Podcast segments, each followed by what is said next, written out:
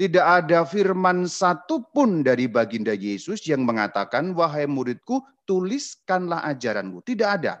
Dikira Tuhan Yesus Kristus itu ke mana-mana membawa sebuah buku yang disebut Injil. Atau pemahaman yang lain adalah ke mana-mana Tuhan Yesus membawa buku yang disebut Injil. Karena kitab Injil itu turun gedebuk dari langit dan diberikan kepada Yesus Kristus. Ini pemahaman orang-orang non-Kristen. Pemahaman mereka adalah kitab Injil itu diturunkan kepada Yesus Kristus. Yang berarti entah bagaimana caranya, Yesus Kristus entah lagi di mana, menengadah ke langit, gedebuk turun dari langit, tibalah kemudian buku yang namanya Injil. Nah ini bayangan di luar sana. Tuhan Yesus Kristus tidak pernah pegang kitab yang namanya Injil satupun. Seringkali karena yang didengar hanya kata Injil, itu serapan dari bahasa Arab. Karena taunya hanya dari bahasa Arab dan bahasa Arab hanya mengambil oper dari bahasa Yunani, maka kehilangan artinya. Injil, Injil, Injil. Nggak ada artinya kalau di dalam bahasa Indonesia atau dalam bahasa Arab. Tapi kalau kita kejar pada akar-akarnya, baru kata Injil punya arti. Jadi Injil itu ditulis oleh dua kelompok. Yang kelompok pertama Rasul, 12 Rasul. Matius dan Yohanes. Kelompok yang kedua muridnya para Rasul. Markus dan Lukas. Yesus Kristus mewartakan Injil. Loh, katanya Injil baru ditulis 40 tahun setelah Yesus naik ke surga. Kenapa Yesus Kristus mewartakan Injil? Jangan heran kalau kita sudah paham tiga arti Injil, maka di situ kita tidak menemui kesulitan karena yang dimaksudkan dalam Injil Markus tadi bahwa Yesus Kristus mewartakan Injil dalam arti yang pertama kabar baik mengenai mengenai beliau sendiri. Saudara-saudari semuanya, Shalom Alaikum. Kita mau membahas mengenai bukti autentik keaslian Injil. Ini merupakan subjudul dari tema yang lebih besar yang berjudul Kerasulan Kitab Suci menurut Tradisi Suci. Jadi kita akan membahas mengenai tradisi suci dan mengenai pembahasan itu sebenarnya sudah mendalam di bagian-bagian lalu kita sudah bahas. Kita akan ulangi sedikit untuk mengingatkan kembali perihal tradisi suci dan juga mungkin yang baru bergabung sehingga mengerti apa itu tradisi suci secara ringkas. Dan dari pembahasan mengenai tradisi suci itu, akan muncul suatu bukti-bukti autentik mengenai keaslian Injil. Ini sekaligus juga dapat dipakai untuk menjawab orang-orang di luar sana, baik yang non-Kristen maupun Kristen yang non-Katolik. Kalau non-Kristen biasanya bertanya mengenai keaslian Injil, sudah dipalsukan dan sebagainya dan sebagainya. Kata kuncinya sudah dipalsukan non Katolik, Kristen non Katolik, kata kuncinya adalah mana ayatnya, mana ayatnya. ya kita akan akan lihat malam hari ini. Saudara-saudari semuanya, Tuhan Yesus tidak pernah menyuruh para rasul menuliskan ajarannya. Tidak ada. Tidak ada firman satupun dari baginda Yesus yang mengatakan, wahai muridku, tuliskanlah ajaranmu. Tidak ada. Baik di dalam ayat-ayat Alkitab, maupun di dalam ayat-ayat tradisi suci tidak ada satupun. Tetapi beliau mengatakan apa? Beliau menyuruh para rasul mewartakan ajarannya. Nah, pewartaan yang dimaksud bukan dalam bentuk tulisan, tetapi dalam bentuk pewartaan lisan, yaitu memperkatakan. Itulah yang tercantum sebagai amanat agung dalam Injil Matius bagian akhir, Matius 28 ayat 19 sampai 20. Jadikanlah semua bangsa muridku dan seterusnya. Nanti ada kata baptislah juga. Ajarlah mereka dan seterusnya. Jadi dikatakan ajarlah mereka. Bukan tuliskanlah ajaranku tetapi diminta untuk mengajar segala bangsa. Dan itu yang kemudian dilakukan oleh para rasul. Maka setelah hari raya Pentakosta, tahun 33 Masehi mulai dari kota suci Yerusalem, para rasul menyebarluaskan ajaran Tuhan Yesus. Pada waktu itu belum ada Injil dalam bentuk buku, tidak ada. Di luar sana ada ada cukup banyak orang non Kristen yang salah memahami mengenai ajaran Kristen bahwa dikira Tuhan Yesus Kristus itu ke mana-mana membawa sebuah buku yang disebut Injil. Atau pemahaman yang lain adalah ke mana-mana Tuhan Yesus membawa buku yang disebut Injil.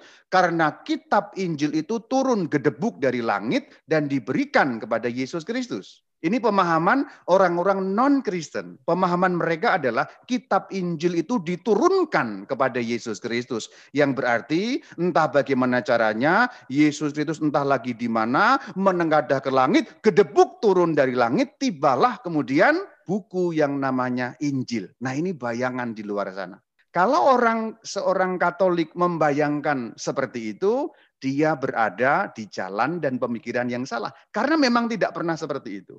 Tuhan Yesus Kristus tidak pernah pegang kitab yang namanya Injil satupun. Bahkan tidak seluruh rasul pernah pegang Injil. Misalnya Rasul Thomas, belum tentu dia pernah pegang kitab yang namanya Injil. Maka pada saat para rasul menyebarluaskan ajaran Tuhan Yesus yang artinya pada waktu itu adalah Sang Kristus sudah naik ke surga. Tidak ada satupun yang membawa buku ke mana-mana. Bukan berarti percayalah kepada Injil, ini loh bukunya. Enggak. Karena Injil, istilah Injil pada zaman para rasul itu baru bermakna kabar lisan. Dari kata bahasa Yunani kita dapat menguraikannya. Seringkali karena yang didengar hanya kata Injil, itu serapan dari bahasa Arab karena taunya hanya dari bahasa Arab dan bahasa Arab hanya mengambil oper dari bahasa Yunani, maka kehilangan artinya. Injil, Injil, Injil. Nggak ada artinya kalau di dalam bahasa Indonesia atau dalam bahasa Arab. Tapi kalau kita kejar pada akar-akarnya, baru kata Injil punya arti. Dalam bahasa Indonesia Injil, nyuplik dari bahasa Arab juga Injil. Nyuplik dari bahasa Latin Evangelium, akarnya di mana? Bahasa Yunani Eu angelion dari dua kata eu artinya baik, angelion warta atau kabar. Berarti Injil eu angelion itu artinya kabar baik. Maka sudah sepantasnya, sudah sebenar-benarnya kalau eu angelion namanya saja angelion. Angelion itu apa? Kabar. Kabar berarti apa? Lisan. Maka bentuk pertama dari eu angelion alias Injil sudah sepantasnya kalau itu bentuknya lisan. Dibentuk dalam bentuk buku itu baru belakangan. Nah ini pemahaman yang perlu kita koreksi kalau seandainya ada di antara Anda orang Katolik membayangkan seperti itu. Jangan mengira Injil turun gubrak dari langit, sudah dalam bentuk buku, entah diturunkan kepada Yesus Kristus, entah diturunkan kepada para rasul, salah besar pandangan seperti itu. Tidak pernah ada cerita seperti itu. Nah kemudian kalau kita lihat di dalam banyak nas dalam Alkitab, dalam praksis apostolon atau kisah para rasul pada bab 3, bab 4, bab 8, dan banyak bab yang lain, jelas bahwa para rasul mewartakan secara lisan, mereka berbicara. Nah kemudian barulah beberapa tahun kemudian atau e, berpuluh-puluh tahun kemudian, maka kurang lebihnya 40 tahun setelah Tuhan Yesus naik ke surga yang berarti juga kurang lebih 40-an tahun setelah para rasul menyebar ke mana-mana mewartakan kabar gembira tadi itu. Kemudian para rasul barulah ada yang menulis. Dan tidak semua menulis. Dari 12 rasul yang menulis Injil hanya dua, Rasul Matius dan Rasul Yohanes. Tetapi kemudian generasi pertama orang-orang Kristen, artinya yang bukan rasul, tetapi mereka masih mengalami para rasul, mereka berjumpa dengan para rasul, boleh dikatakan muridnya para rasul, juga ada yang menuliskan Injil Tuhan. Apa yang dituliskan? Ya yang lisan-lisan tadi itu. Pengajaran-pengajaran warta lisan tadi kemudian mulai dituliskan. Nah orang Kristen generasi pertama, muridnya para rasul, ada dua yang menulis Injil Tuhan, Markus dan Lukas. Jadi Injil itu ditulis oleh dua kelompok. Yang kelompok pertama Rasul, 12 Rasul, Matius dan Yohanes. Kelompok yang kedua muridnya para Rasul, Markus dan Lukas. Dalam hal ini, Matius dan Yohanes ketemu langsung dengan Tuhan Yesus. Sementara itu Markus dan Lukas tidak ketemu langsung dengan Tuhan Yesus. Mereka bukan saksi mata. Tetapi kalau mereka bukan saksi mata, bagaimana mereka bisa menulis sesuatu yang layak dipercaya. Nah, nanti kita akan lihat bagaimana bukti keotentikan tulisan Markus terutama dan juga tulisan Lukas berpola pada penelitian kita, riset kita mengenai tulisan Markus. Nanti akan saya jelaskan bagaimana caranya, metodenya, peristiwanya, sejarahnya, riwayatnya sampai Markus menulis Injilnya dan kita dapat mempercayai tulisan Markus itu mengandung kebenaran mengenai Injil Tuhan Yesus. Nah, tulisan-tulisan tentang ajaran Tuhan Yesus, terkhusus yang namanya Injil, ini berarti sudah tahap berikutnya. Berarti Injil setelah tahap penulisan lalu punya dua arti. Arti yang pertama adalah kabar lisan mengenai Tuhan Yesus. Kemudian setelah ada penulisan, arti yang kedua adalah berarti tulisan mengenai ajaran Tuhan Yesus. Nanti kemudian ada arti yang ketiga. Arti yang ketiga dari kata Injil adalah jenis sastra tertentu.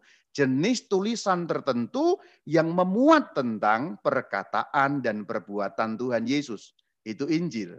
Maka surat Korintus tidak disebut Injil. Meskipun bagian dari Alkitab, tetapi surat Korintus tidak disebut Injil karena Injil dalam arti yang ketiga adalah jenis tulisan tertentu atau genre, genre, style, style tertentu dari tulisan pada zaman kuno yang isinya perkataan perbuatan Tuhan Yesus atau tanda petik. Tidak persis, maka saya katakan tanda petik biografinya Tuhan Yesus. Tanda petik itu ya. Itulah kenapa kitab yang kelima dalam perjanjian baru, Praksis Apostolon, tidak bisa disebut Injil. Karena yang diceritakan di sana perkataan dan perbuatan para rasul. Terutama dua rasul besar, Petrus dan Paulus.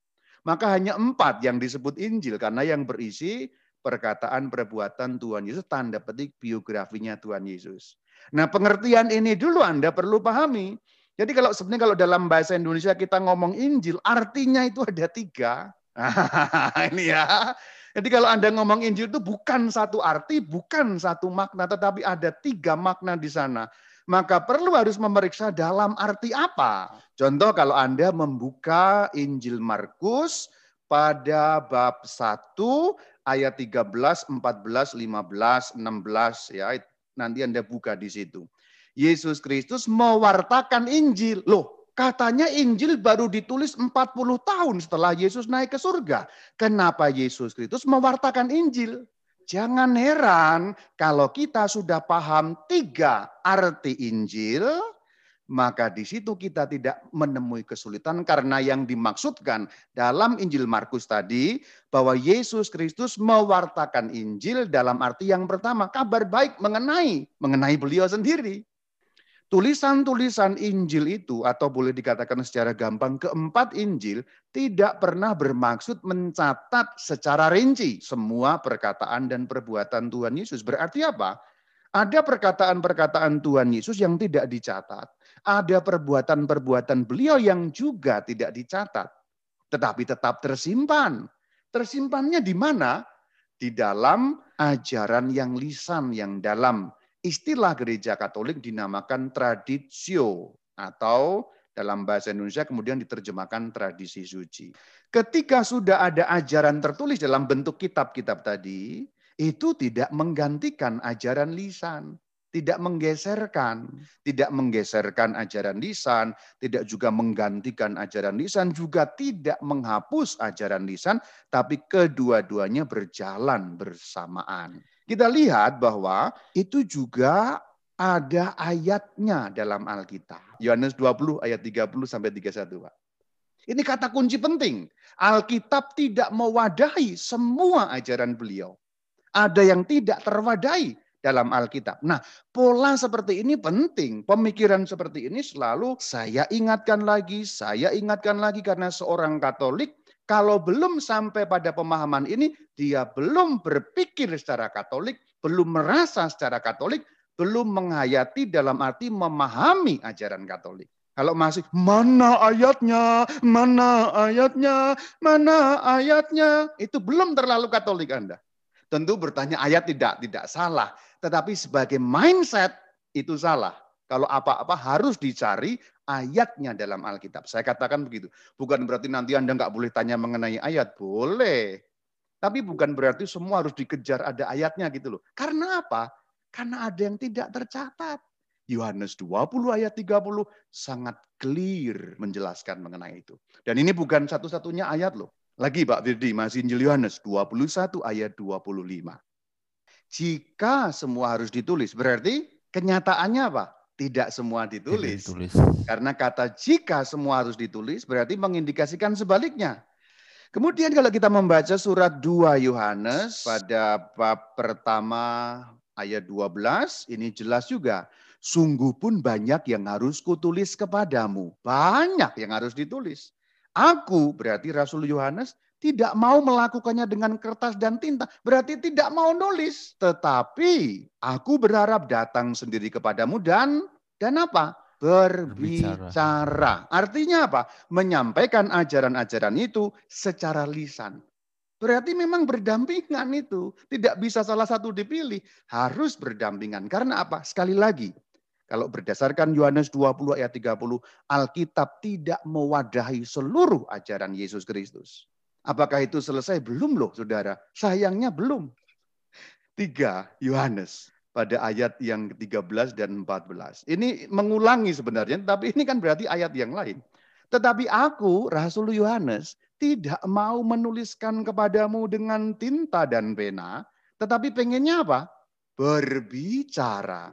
Berarti menyampaikan secara lisan. Dan ayat yang sangat kuat menjelaskan mengenai itu adalah 2 Tesalonika 2 ayat 15. Berdirilah teguh dan berpeganglah pada ajaran-ajaran yang kamu terima dari kami, kamu berarti umat Kristen, kami para rasul, baik secara lisan maupun secara tertulis. Nah yang lisan istilah teknisnya tradisi suci. Yang tertulis istilah teknisnya Alkitab suci. Maka dalam pengertian kita tahun 2021 ini, kita bisa membaca, berpeganglah pada ajaran-ajaran yang kamu terima dari para rasul, Baik dalam bentuk tradisi suci maupun dalam bentuk Alkitab suci. Dan itu jelas. Maka tidak mungkin membuang tradisi suci. Dan dari seluruh ayat-ayat tadi, berarti itu kan tadi ayat-ayatnya, landasan Alkitabiahnya. Maka kalau Anda yang tanya, mana dasarnya tradisi suci? Mana ayatnya? Silakan dikasih ayat-ayat yang banyak tadi itu. Maka gereja Katolik kemudian merumuskan di dalam katekismus nomor 76 sesuai dengan kehendak Allah. Berarti sesuai dengan apa? Kehendak Allah. Berarti itu kehendak Allah. Terjadilah pengalian Injil atas dua cara. Dua cara tadi, lisan dan tertulis, dikehendaki Allah sendiri. Berarti Allah tidak menginginkan hanya tertulis, Allah juga tidak menginginkan hanya lisan, tetapi kedua-duanya. Kemudian diuraikan secara lisan. Yang pertama. Yang kedua, secara tertulis. Sekarang kita lihat rinciannya masing-masing. Secara lisan oleh para rasul yang dalam pewartaan lisan, dengan teladan serta penetapan-penetapan, meneruskan entah apa yang mereka terima dari mulut, pergaulan, dan karya Kristus sendiri. Entah apa yang atas dorongan roh kudus telah mereka pelajari. Ada yang diterima dari mulut Kristus, maksudnya dari apa? dari pengajaran Kristus. Pergaulan berarti kebersamaan dengan Sang Kristus. Selama ikut Sang Kristus ke mana-mana selama kurang lebih tiga tahun itu karya. Berarti perbuatan-perbuatan Tuhan Yesus. Dan juga atas dorongan roh kudus yang telah mereka pelajari. Contohnya apa yang telah mereka pelajari? Yang telah mereka pelajari adalah maksudnya dulu Yesus belum mengajarkannya kepada mereka Begitu Sang Kristus naik ke surga, mereka menemukan sesuatu yang baru yang dulu belum diajarkan, meskipun sudah ada landasannya, tapi belum secara eksplisit diajarkan. Contohnya mengenai sunat dan mengenai makan makanan haram.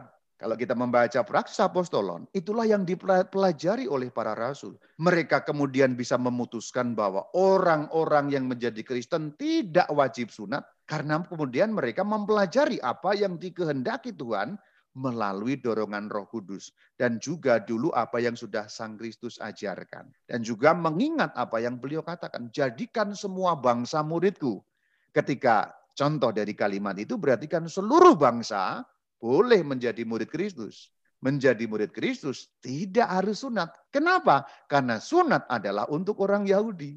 Itu mereka pelajari. Sang Kristus tidak pernah mengajarkan bahwa Hei para muridku, besok kalau ketemu orang nggak bersunat, mereka nggak usah wajib sunat ya. Kasihan, sunat itu sakit. Nggak ada seperti itu. Karena waktu Sang Kristus mengajar belum keluar dari wilayah Yahudi. Dengan kata lain, semua yang mendengarkan orang Yahudi sehingga tidak masalah. Tidak ada persoalan sunat atau tidak. Belum menjadi persoalan.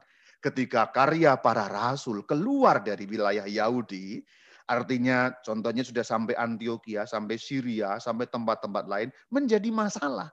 Karena orang di luar orang Yahudi tidak sunat. Nah mereka harus belajar.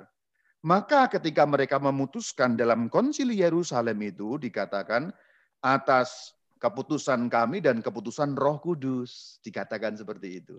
Berarti keputusan Roh Kudus karena itu tuntunan Roh Kudus. Keputusan kami yaitu para rasul berarti mereka mempelajari itu, menimbang itu, merapatkan itu. Nah itu yang dimaksud secara lisan. Selanjutnya secara tertulis oleh para rasul dan tokoh-tokoh rasuli. Tokoh-tokoh rasuli gampangnya murid-muridnya para rasul. Masih berjumpa dengan para rasul, bergaul dengan para rasul, mendengarkan pengajaran para rasul atas ilham Roh Kudus. Berarti penulisan yang mereka lakukan sesungguhnya kan bukan karena pertama-tama kemampuan manusiawi mereka, itu iya mereka menggunakan kemampuan manusiawi, tetapi dikatakan atas inspirasi, atas ilham Roh Kudus. Ini ajaran gereja Katolik yang juga tertulis di dalam DV, Dei Verbum nomor yang ketujuh. De Verbum adalah dokumen yang dikeluarkan oleh Konsili Vatikan kedua. Diulangi dalam katekismus pada artikel ke-76. Maka kalau kita gambar dengan bagian seperti ini. Jadi wahyu Allah sampai kepada kita, wahyu Allah atau Injil sampai kepada kita dalam dua bentuk. Bentuk lisan tradisi suci namanya, bentuk tertulis Alkitab suci namanya. Saya akan terus mengulang-ulang ini sampai Anda muntah karena ini bagian yang sangat penting.